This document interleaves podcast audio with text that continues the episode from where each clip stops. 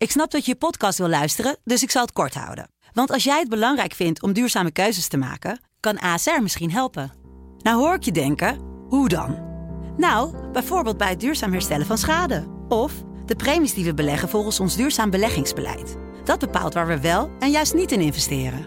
Wil je meer weten over welke duurzame keuzes ASR maakt? Ga dan naar asr.nl slash duurzame keuzes. ASR doet het. Zo, dan kan je nu lekker naar je podcast luisteren. In deze podcast van de Telegraaf elke dag het belangrijkste coronanieuws op een rij. De cijfers en de feiten met thuiswerkers Pim CD en Kamran Oela.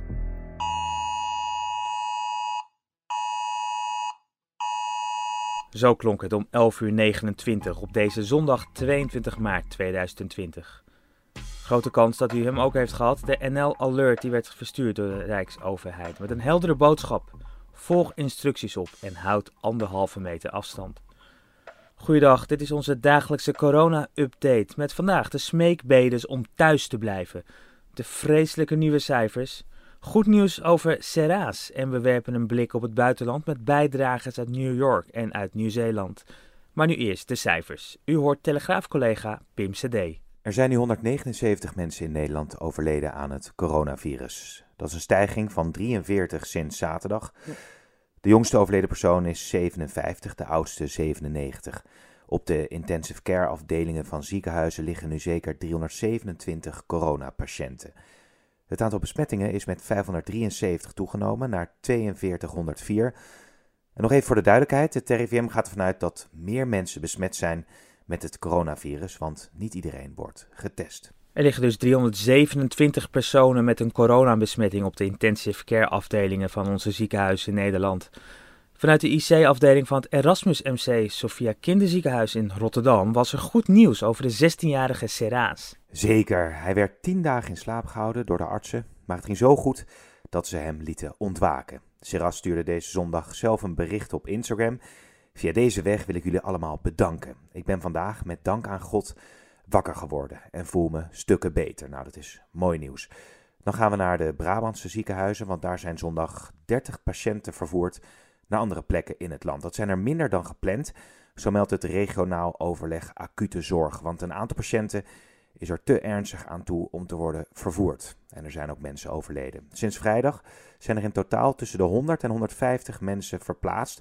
En naar verwachting worden komende week honderden besmette personen vervoerd naar ziekenhuizen buiten Brabant. Op dit moment ondersteunt Defensie al met het uh, verplaatsen van patiënten. Maar mocht het nodig zijn, dan staat ons leger ook paraat voor bredere inzet. Defensieverslaggever van de Telegraaf, Olaf van Jolen, zocht uit hoe men zich voorbereidt. Hij vertelt erover. Zien we binnenkort panzerwagens door onze straten rijden? Militairen die de orde handhaven? Nee, dat moment is nog heel ver weg, uh, is de inschatting van Defensie. Wat doet het leger nu wel? Uh, dat is het inzetten van een aantal planners, militaire planners, die helpen met de verspreiding vanuit ziekenhuizen in uh, Zuid-Nederland over de rest van, uh, van het land. Die mensen zijn daar heel erg goed in, omdat ze gewend zijn aan het werken in, in crisissituaties. En daarnaast worden begin deze week beademingsapparaten overgeleverd vanuit defensievoorraden naar ziekenhuizen die ze hard nodig hebben. Ja, en verder zal de krijgsmacht de komende weken vooral proberen zo lang mogelijk uit de actie weg te blijven. Waarom? Omdat je dan altijd nog een flink aantal, uh, minimaal duizend, maar dat kan oplopen naar uh, zo'n uh, bijna 3000, gezonde, fitte mensen hebt die in staat zijn om allerlei dingen te doen wanneer het nodig is. Van ordehandhaving tot distributie. De zaterdag voor deze zondag leverde geen beeld op van Nederland dat anderhalve meter afstand hield. Sterker nog, mensen scholden samen in bossen, in parken en op het strand. Dat mocht vandaag niet nog eens gebeuren. Het is prachtig weer vandaag. De verleiding is echt heel groot om vandaag naar buiten te gaan. En toch vraag ik u dringend dat niet te doen. Blijf thuis. Probeer op een andere manier deze vervelende dagen door te komen. En hou anderhalf meter afstand. En heel vaak handen wassen. Ik reken op u. We hebben elkaar in deze barre tijden hard nodig.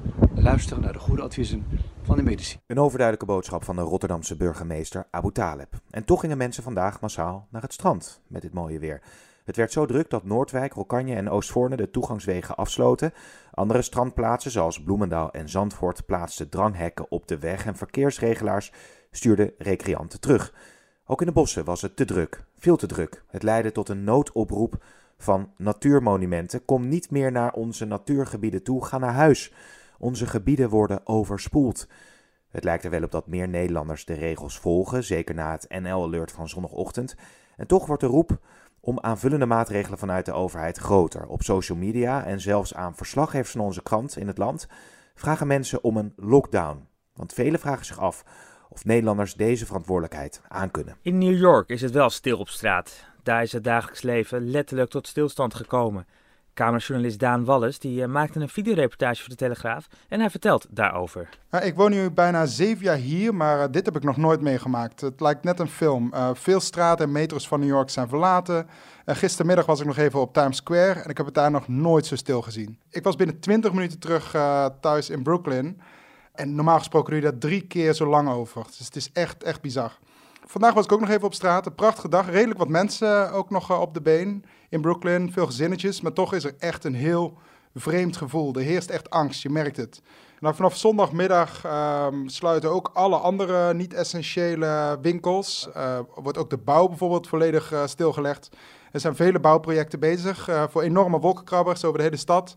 Maar alles komt er stil te liggen. En New Yorkers maken zich echt grote zorgen. Er worden nu al massa's mensen ontslagen bij restaurants, bij, het, bij de vliegvelden.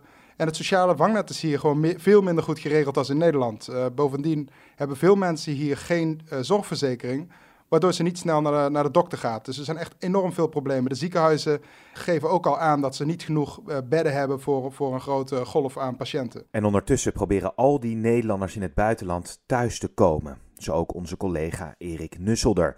Hij is op huwelijksreis naar Nieuw-Zeeland en kreeg het advies om toch maar op zoek te gaan naar een ticket terug. En dat leek na lang zoeken op sites te lukken. Dus uh, we hadden 2000 euro uitgegeven aan een ticket die ons via Sydney en Dubai weer in Amsterdam zou bezorgen. Alleen toen we bij het vliegveld kwamen bleek dat we ja, die vlucht niet in mochten, omdat Australië de grenzen had dichtgegooid. Mochten we daar niet meer heen. je mocht nog wel overstappen in Australië, maar dan mocht je daar maar maximaal 8 uur zijn. En onze overstap duurde 9,5 uur. Dus dat was precies uh, te lang. Konden wij, uh, konden wij helaas niet mee met het vliegtuig. Dat was wel een duur geintje. We hopen dat we dat geld nog terugkrijgen.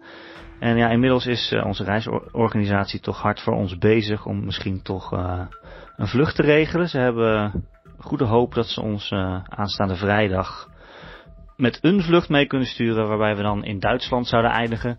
Nou, daar zou ik wel heel blij zijn, want ja, als we eenmaal op het goede continent zitten, lijkt het me wel heel wat. Dan Frankrijk. Daar is de eerste arts overleden aan de gevolgen van het coronavirus. De man werkte op de eerste hulp van een ziekenhuis.